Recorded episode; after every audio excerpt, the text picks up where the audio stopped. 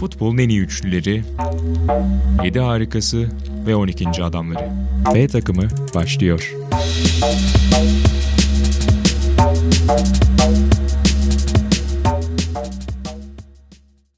Merhaba, yeni podcast serimiz B takımının açılış bölümündeyiz. Bu bölümde ben Buğra Balaban, sevgili Ozan Can Sülüm ve İlhan Özgen'le beraber geçmişten bugüne hatırladığımız en iyi üçlü savunmaları konuşacağız. Bir ara böyle modası geçti denen artık dörtlü olmazsa olmaz denen yılların ardından tekrar 2010'larda epey coşkulu takımlarda izlediğimiz ve hala da tartışılan üçlü mü daha iyi, dörtlü mü daha iyi diye çok konuşulduğunu görebiliyoruz bazen. Biz biraz şöyle arşive dalacağız. Aklımızda ilk hangi takımlarla özdeşleştirdiğimizi konuşacağız ve en beğendiklerimizi sıralayacağız. Baylar hoş geldiniz. Hoş bulduk, selamlar. Biraz tarihsel girizgahını yapmak gerekirse formasyon olarak İlan oradan sana dönerek başlayayım. İşte 2-3-5'ler 1900'lerin başındaki sonrasında WM'ler ve biraz işte İtalyan futboluna aslında pay biçiliyor. Nereye Rocco ile hep o üçlü savunmaların başta anlatılıyor ama biraz senden dinleyebiliriz belki ilk aklına gelen başarılı uygulamalarını. Yani Catenaccio ile bağdaştırılmasının sebebi şey.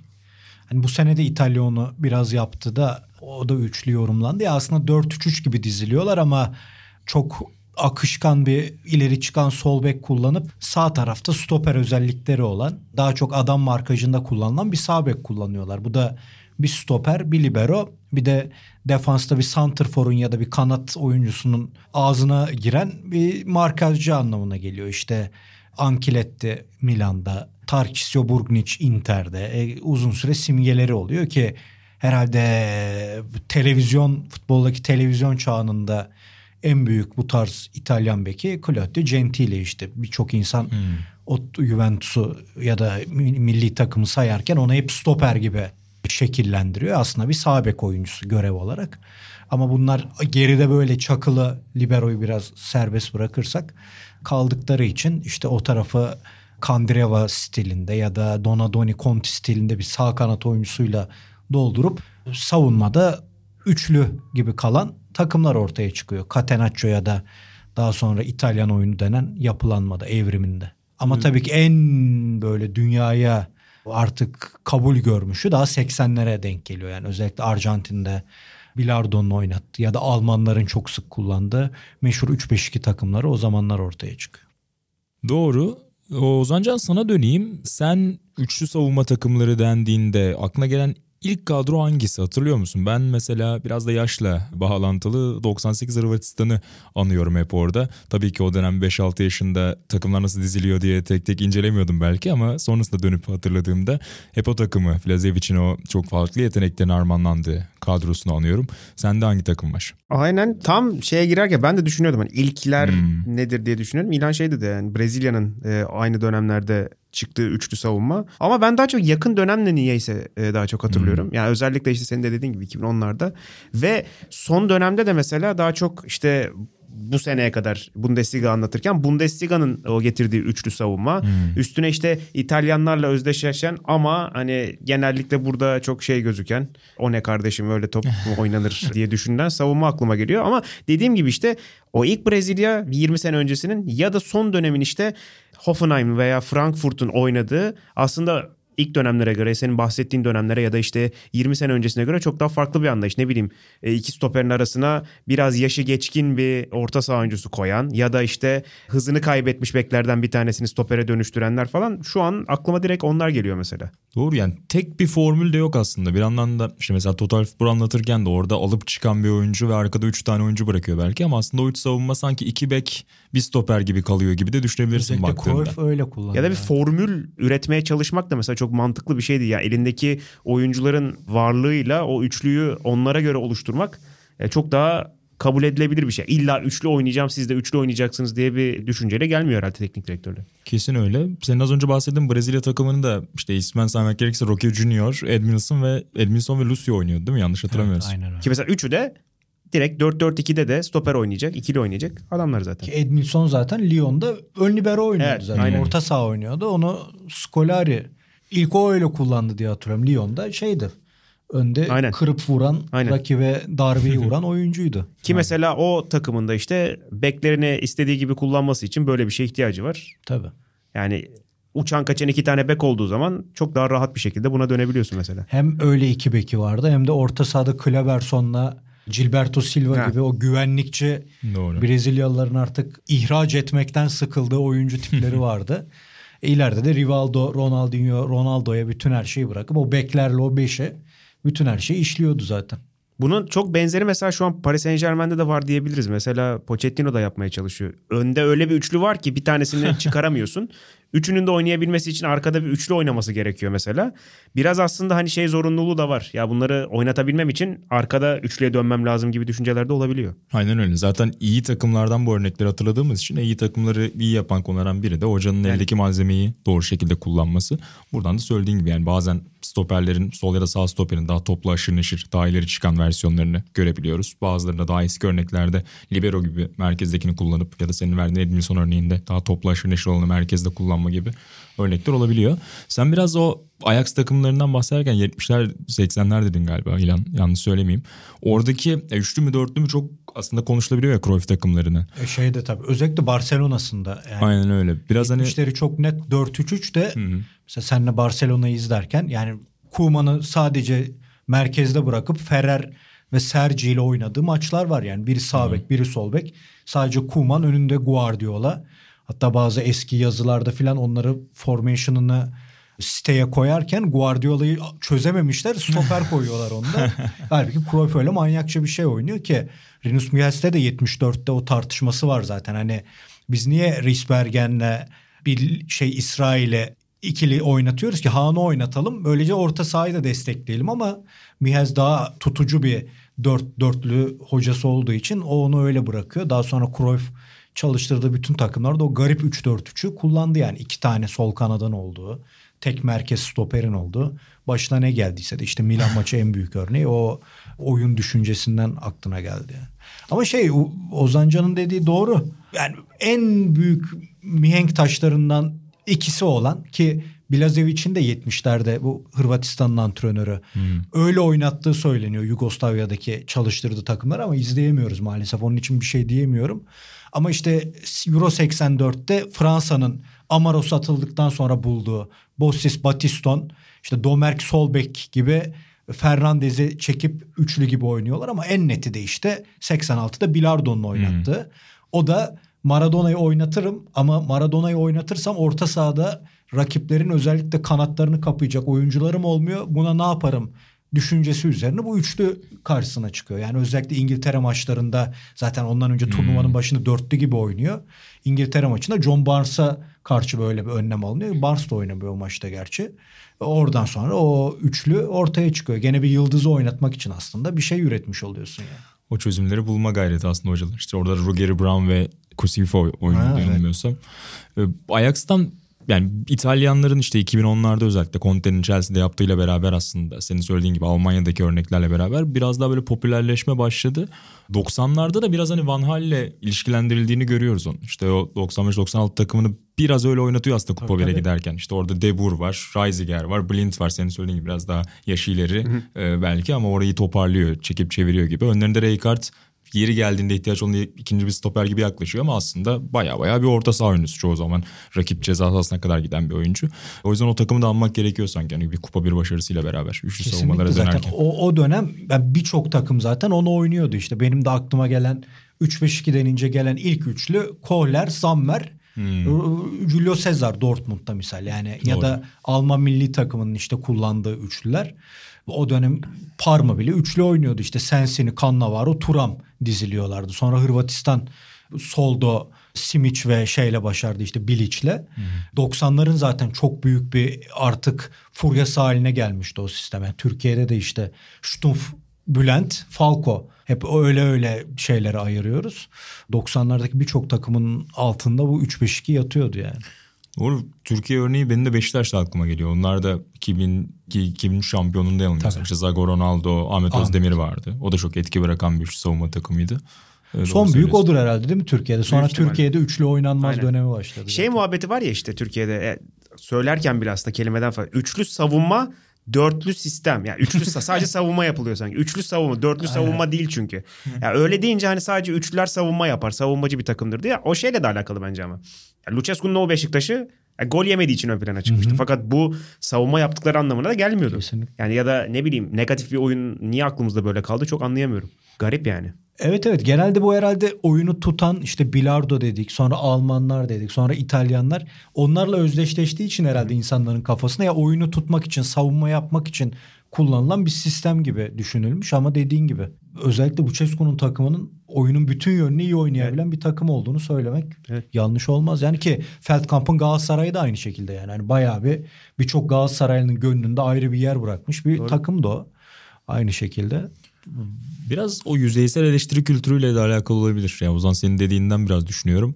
Hani sonuçta kötü bir sonuç alırsa eğer hani dörtlü savunma takım kötü sonuç aldığında oraya bağlamıyorsun. Çünkü normal geliyor sana ama evet. hani üçlü oynarken takım kötü sonuç almaya başladığı anda hani direkt sallanacak kolay nokta gibi görülüp belki. Ya şey çok garip abi yani bu takım üçlü oynamaz diye bir düşünce var ya. Yani bu lig bunu kaldırmaz. Hangi takım üçlü oynamaz? Yani hangi kadro üçlü oynamaz mesela?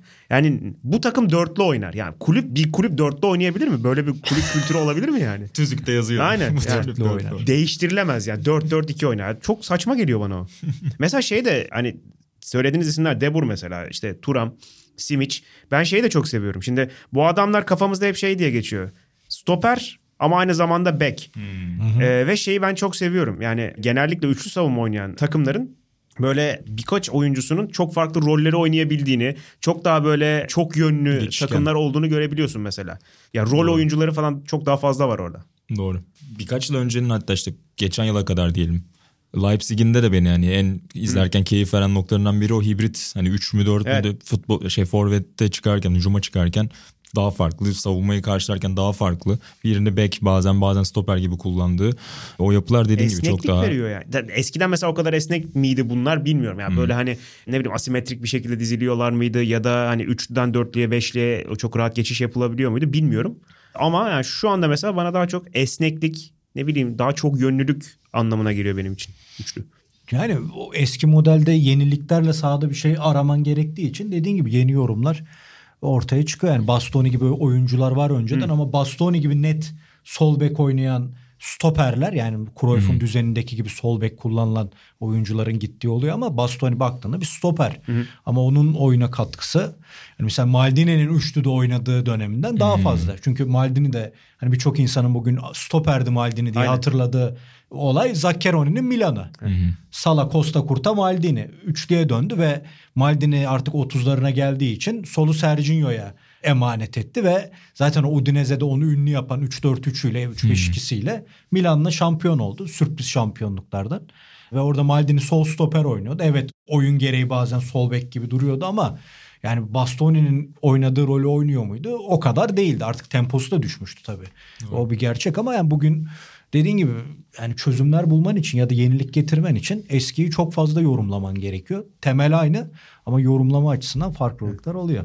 Birçok kurgu konuştuk ama herhalde hepimizin aklında biraz daha ortaları doğru sakladığı bir üçlü olsa gerek. Yani gerek son 10-15 yılda Juventus'ta gerek İtalya'da çok fazla beraber izlediğimiz. Yani artık Barzali'yi göremiyoruz belki ama onunla beraber özellikle benim hep hatırladığım işte Chiellini, Bonucci, Barzali üçlüsü. Kupa 1'de sürekli finali kovalayan milli takımda e, çok iyi iş çıkaran. Herhalde benim böyle en iyi birini seçmen gerekiyor diye zorlansam ben, mutlaka onu aynen. ön plana çıkarırım herhalde. Ben de öyle ya. Hatta şey yani o Juventus'un arka arkaya hani yüzüp yüzüp kuyruğuna getirdiği ve beceremediği Şampiyonlar Ligi hmm. döneminde bir de arkaya bu fonu koyduğunda mesela o kült bir dörtlü mesela hiç ayrılmaz hiç bozulmayacak gibi gözüken bir dörtlü ki ikisi hala devam ediyor. Üçüncüsü yok artık ortada. Ama yani hem kulübe hem milli takıma bu kadar net bir şekilde etki eden üçlü olarak aklıma gelen onlar benim. Evet doğru. Yani benim favorim 2012'deki De Rossi'nin libero gibi oynadığı hmm. işte o tam. ya De Rossi'nin orada az önce bahsettik ya topla biraz iyi olanı oraya çekme. Prandelli'nin formu. Aynen o ki yani milli takım seviyesine de ilk Prandelli herhalde. Ya gerçi Dinozov da biraz üçlü hani Giuliano, Nesta, Cannavaro, Sol Maldini, sağ Pesotto gibi oynamıştı ama hani onların o Euro 2012'deki bir de Zoff'un takımı gene bir yıldızlar topluydu da Euro 2012 artık bir şey beklenmeyen İtalya hmm. dönemleriydi. Ve onların yarattığı etki benim de üç yani yeni dönem üçlüsü deyince evet Chiellini, Bonucci, Barza muazzam bir etki. Yani futbol tarihine geçecek bir etki ama o 2012 takımı geliyor. Çünkü bir şok. Yani İspanya'dan puan koparma, İngiltere maçları, Almanya. Gerçi Almanya'yı dörtlü oynamışlardı da o, o yönden etkisi vardı. Damağındaki tadı hala taze yani. Tabii tabii çok, çok acayip. ya Ozancan'ın dediğinden alırsam o üçlüyü dediğin doğru yani bu fonla da beraber aslında hep hatırlıyoruz 3 artı 1 gibi ve sanki bir takıma kimlik verme durumu da evet. vardı. Yani diğer birçok işte mesela o Brezilya 2002 takımını o üçlüyle tanımlamayız herhalde Roque Junior'la falan Yok, tanımlamayız tabii. atıyorum. Ya da birçok verdiğimiz örnekte çok de. Çok üst seviye savunmacı olarak belki Lucio'yu alırız oradan yani. Evet. Diğer ikisi. Evet. Lucio bir de çok uzun bir döneme damga vurdu yani tek başına. Doğru. Ve Leverkusen'de tepeye çıktı. Aynen. Münih'te zaten Allah'ın emri. E, Inter'e geldi. Yine aynı. Orada yine acayip bir düş yani düşeş atma demeyeyim ona. O ayıp olur da yani muazzam bir evet. başarı. Bence hani hep konuşuyoruz onu biz Buğra'yla. Mourinho'nun bence kariyerindeki en büyük iş yani. Kesinlikle. Yani o oradan abi şeyle kapışır tabii ya Porto'nun Şampiyonlar evet, Ligi şampiyonu olmaz ama Porto'nun yolunu mesela bakacak olursan hmm. bence evet Inter'deki çok daha acayip bir şey. Yani hani yenilmez bir takımı yenip oraya gitmek evet. ve o finali Münih'in üstünde oynamak yani kapanacak edecek derken orada da sindirmek Aynen. çok büyük iş. Lucio Samuel baktığında artık koşmaya dermanı yok evet. gibiydi ekibin ama Milito. Kapanınca çözdüler işi diyorsun. Ben onu söylüyordum yani hani bireysel oyuncuları belki diğer saydığımız şu savunmalarda ortaya koyuyoruz ama o Juventus'un ve İtalya'nın merkezine aldığı işte Barzagli, Chiellini, Bonucci'li üçlü biraz bir kimlik de veriyordu takıma. Yani ulan hakikaten geçemeyeceğiz evet. bunu diyen çok fazla forvet görüyorduk yani yüzlerinden okuyabiliyordun. Bir Birine senin... çarpıyor, bağırıyor, çağırıyor, birbirlerini yakasından tutup kaldırmaları. Aynen. Senin dediğin de çok doğru mesela şey hani o Juventus'u anlat deseler böyle gözü kapayıp ilk arka üçlüyse yani normalde hani başarılı bir takımın hakikaten önce forveti hmm. ne bileyim on numarası bilmem orta sahası falan sayılır. Abi arkaya o üçlüyü koyup ondan sonrasını sayar insanlar. Bir de dediğinde şey var. Mesela normalde Lucio lider. İşte atıyorum üçlülerde mesela bir tane lider. Onu dinlenince çizgiyi belirleyen adam bilmem ne. Bunların üçü de çok özel karakterler bir de. Hani Barzella'yı belki biraz daha hani edilgen sayabiliriz ama ya Chiellini de e, Bonucci de ikisi de baya hani acayip karakterler ki arkada da Buffon var. Yani hepsi aslında liderler ama çok ritimli bir şekilde birbirlerini götüren oyuncular. Bir de şeye de çok etki ettiler. Yani hem kulüpte gittiler hem de milli takımda istikrarlı gittiler. Yoksa hani misal Nesta Cannavaro ortaklığı yetenek açısından bunların 3-4 gömlek üstü bir ortaklıktı ama hiç devamlılığı yoktu. Evet. Zaten birlikte oynayamadılar ya da işte Trapattoni biraz Koko'yu sola koyup Zambrotta'yı sağa koyup Nesta Maldini Cannavaro'yu ortada faydalandı. Biraz 2002 öyleydi. Ama onların ne kulüpte bir birlikteliği üçünün vardı ne de istikrarı vardı Nesta yüzünden. Evet. Bunlar bir de onu çok yakaladı yani. Hani 2010'lardan itibaren hep İtalya'dan konuşurken bütün turnuvalar onlar üzerinden konuşuyoruz. Yani bu son şampiyonluk da tamam İtalya az önce konuştuk buraya. Tamam İtalya top oynadı, pas yaptı. O Hollanda total futbol da son iki kritik maçı gene savunmada doğru. Chiellini ve Bonucci ve Donnarumma'nın tarih yazmasıyla kazandı doğru, yani. Doğru, doğru. Aynen. Oliver yani işte İtalyan kültürünü de biraz aslında ya da insanların gözündeki imajını da zaten tazeleyen bir durum oldu. Peki var mı başka aklınıza gelen böyle elit seviyede ya da daha hipster tercihlere geçeceğim çünkü onlar kalmadıysa. Hipster'a geçebiliriz ya. Benim aklımda bir şey var. Ben, Hemen açayım onu da. Ben benim Sammer, Julio hmm. Cesar, Kohler benim bir numaramdır. İlk aklıma gelen üçlü odur. Dortmund'la Kupa evet, bir kazandı. Sonradan izlediğim yani yaşımın yetmeyip sonradan izledim. Yani ucundan yetti de çok net hatırlamıyorum. Sonra izledim. 90 Almanya, Buffat Kohler, hmm. Aguntaylar. Bence kusursuz bir üçlü o. Hırvatistan'ı ben de çok severim ama tek tek aldığımızda yani az önce dedin ya o takımları defanstan saymayız. Ya bu Hırvatistan'da da en son yani Ladic en son sonra savunmacılar gelir. Çünkü Yarni muazzam bir sol kanat oyuncusu. Yani bugün olsa herhalde değil mi? Tam bugünün rakip kaleye tehdit olan sol kanatlarından, sol beklerinden. Hmm. orta saha Asanovic, Prosinecki, Boban. Yani Her defansa aynen abi saymaya gerek yok. Şu kerilerde. Stanic vardı misal yani çok iyi bir kanat oyuncusuydu. İşte o da o parmada oynardı filan. Yani o defansa sıra gelmez. Ha 3-5-2 etki etmiştir bizde. Çünkü o zaman Hollanda zaten 4-4'lü oynuyordu. Şampiyon Fransa zaten dörtlü oynuyordu. Brezilya zaten 2002'ye kadar bir tek 90'da onların meşhur üçlüsü var Lazzaroni'nin. Onun dışında hep dörtlü oynuyordu. Onlar arasında o dönemin artık son üçlüsü Hırvatistan dikkat çekmişti. Bir de Bilazevic artık o ekolün babalarından. Onu diyecektim. Hatta o dönem tam bizde de şeye geliyor işte Fatih Terim'in üçlü mü oynatacak, hmm. tandem mi hmm. oynatacak? O buhrandan tandemle çıkıp başarının gelmesi. Yani o tam 3-5-2'nin 4'lüye geçiş dönemiydi ve o Hırvatistan'da belki oradan akıllarımızda çok daha kaldı. Dediğin gibi yani ileri uçtan çok daha fazla figür var belki arka üçlü isim isim saymıyoruz.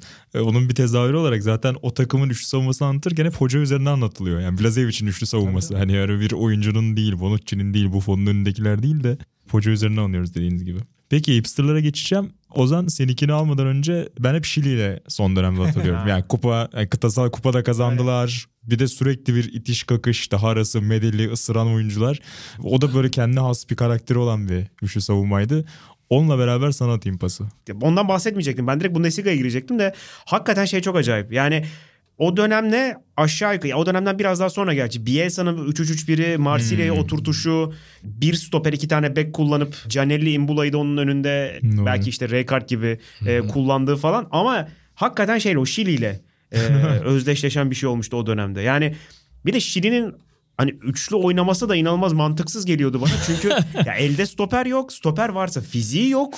Hani üç tane küçük adam. Stoper için vücut sayılabilecek adamla oynaması inanılmaz 1.80 yoktu hiçbir herhalde. Tabii tabii ya 1.70, 1.78 yani. falan. Hatta bir ara şey de olmuştu yanlış hatırlamıyorsam. Normalde sol oynayan işte Jean Bossejur sol stoper. Geri medal merkezde. Sağda da Hara işte. Yani sıfır savunmacıyla aslında. Sıfır savunmacıyla sürekli böyle bir kavga, sürekli bir gerginlik. Hakikaten o çok güzel örnek ya. Bir de şey nasıl diyeyim? kadroyu aldığında bazı takımları dizemiyorsun ya. Ben o Şili'yi mesela herhangi bir şekilde dizemiyordum. Ama adam kafasındakini çok rahat dizip oynattı ve oldu ya. Çok da büyük bir etki gösterdi bence. Aynen öyle. Zaten hani Bielsa ile dediğin gibi başlamıştı 2000'lerin sonu 2010'ların başı. Oradan işte Sampaoli devraldı. Hem başarı geldi hem dediğin gibi o böyle karışık sistemli mi sistemsiz mi dediğin yapı ortaya çıktı ve o malzemeden daha fazlasını da alamazdın zaten. Öyle, Üst üste iki tane kupa çıkardılar yani. oradan. Evet evet sistemin en iyi yorumlanma hamlelerinden biridir cidden haklısın onu iyi hatırladın. Garip de.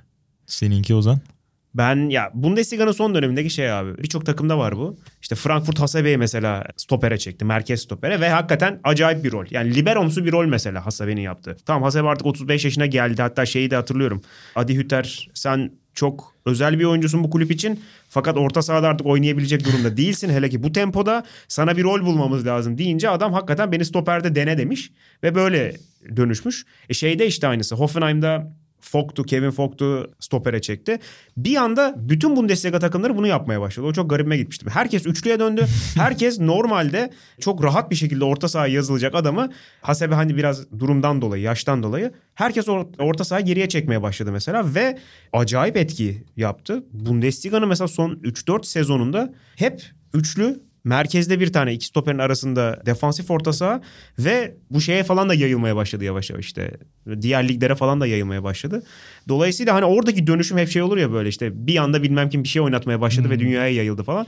Öyle bir şey hissettim mesela orada ben. Yıllanmış abileri biraz daha yeni Aynen, bir ahde çık- vefa rolünde Aynen. kullanma gibi. Ozancan süper bir şey hatırlattı bana. Biz hani ülkenin en büyük liberolarından biri olan Alparslan Erat ile bir röportaj hmm. yapmıştım.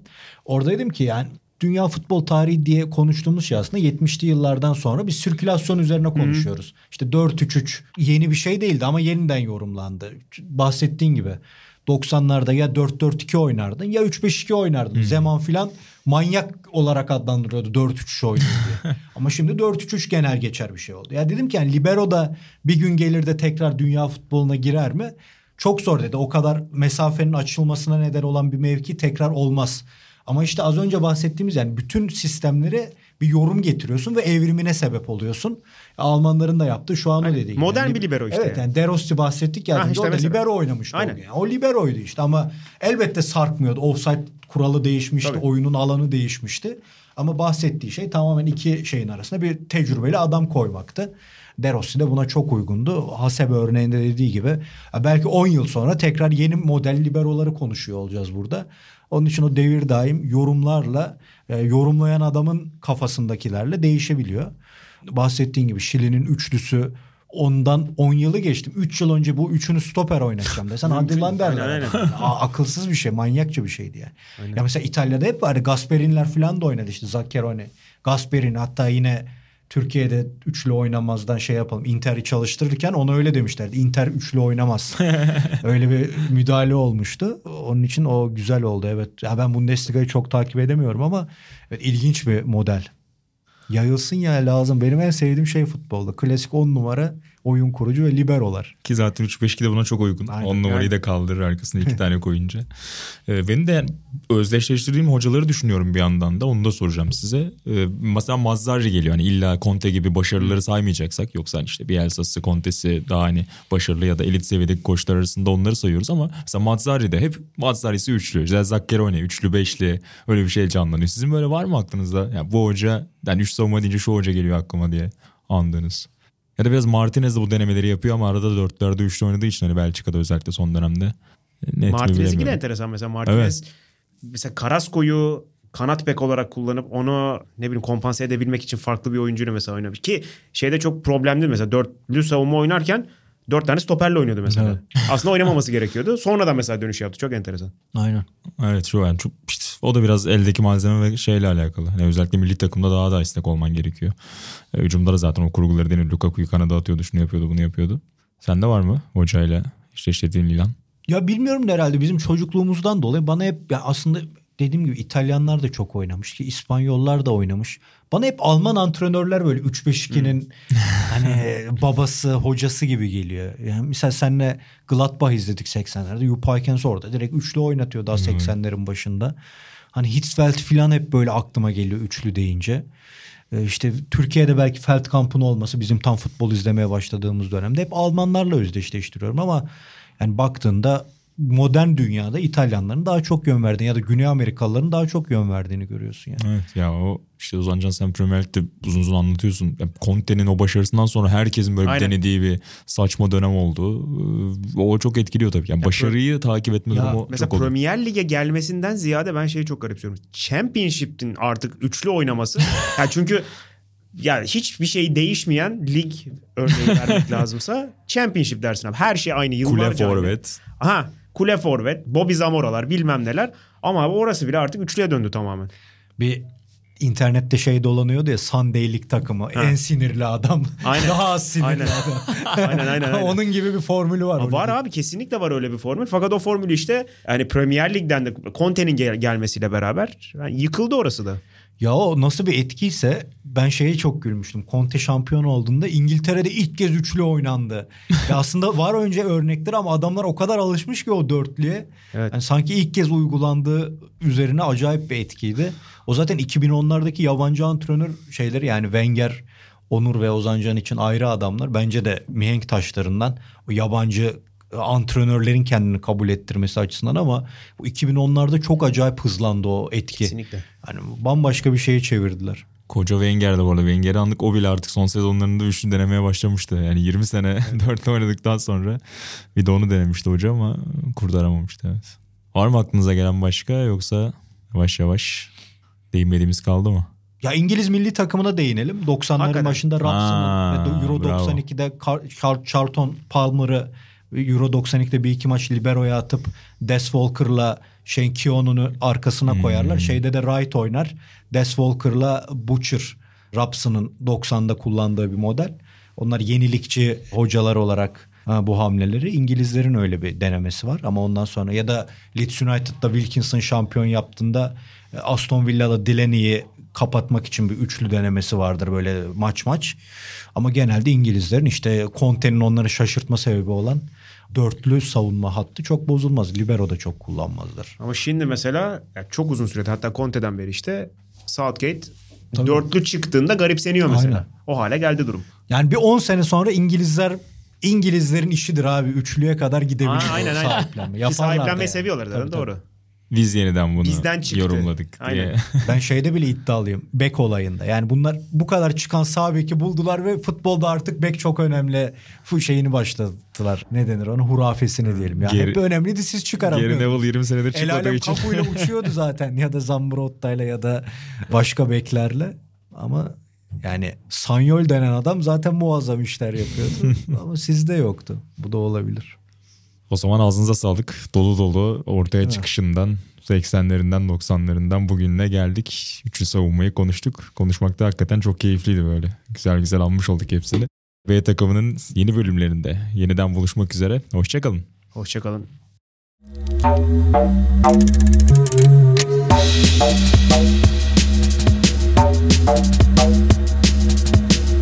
Thank